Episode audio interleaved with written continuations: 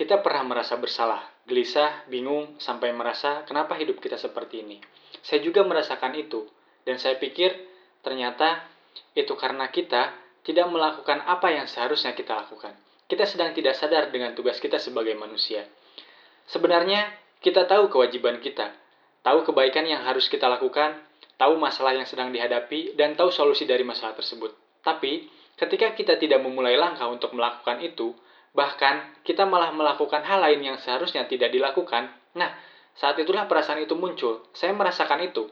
Saya mendengar sebuah nasihat bahwa kita tercipta pada dasarnya baik, berorientasi pada kebaikan, fitrah. Ketika fitrah itu terkotori atau terganggu, maka ada tanda sebagai pelindung, yaitu rasa bersalah, gelisah, tidak nyaman, dan sebagainya.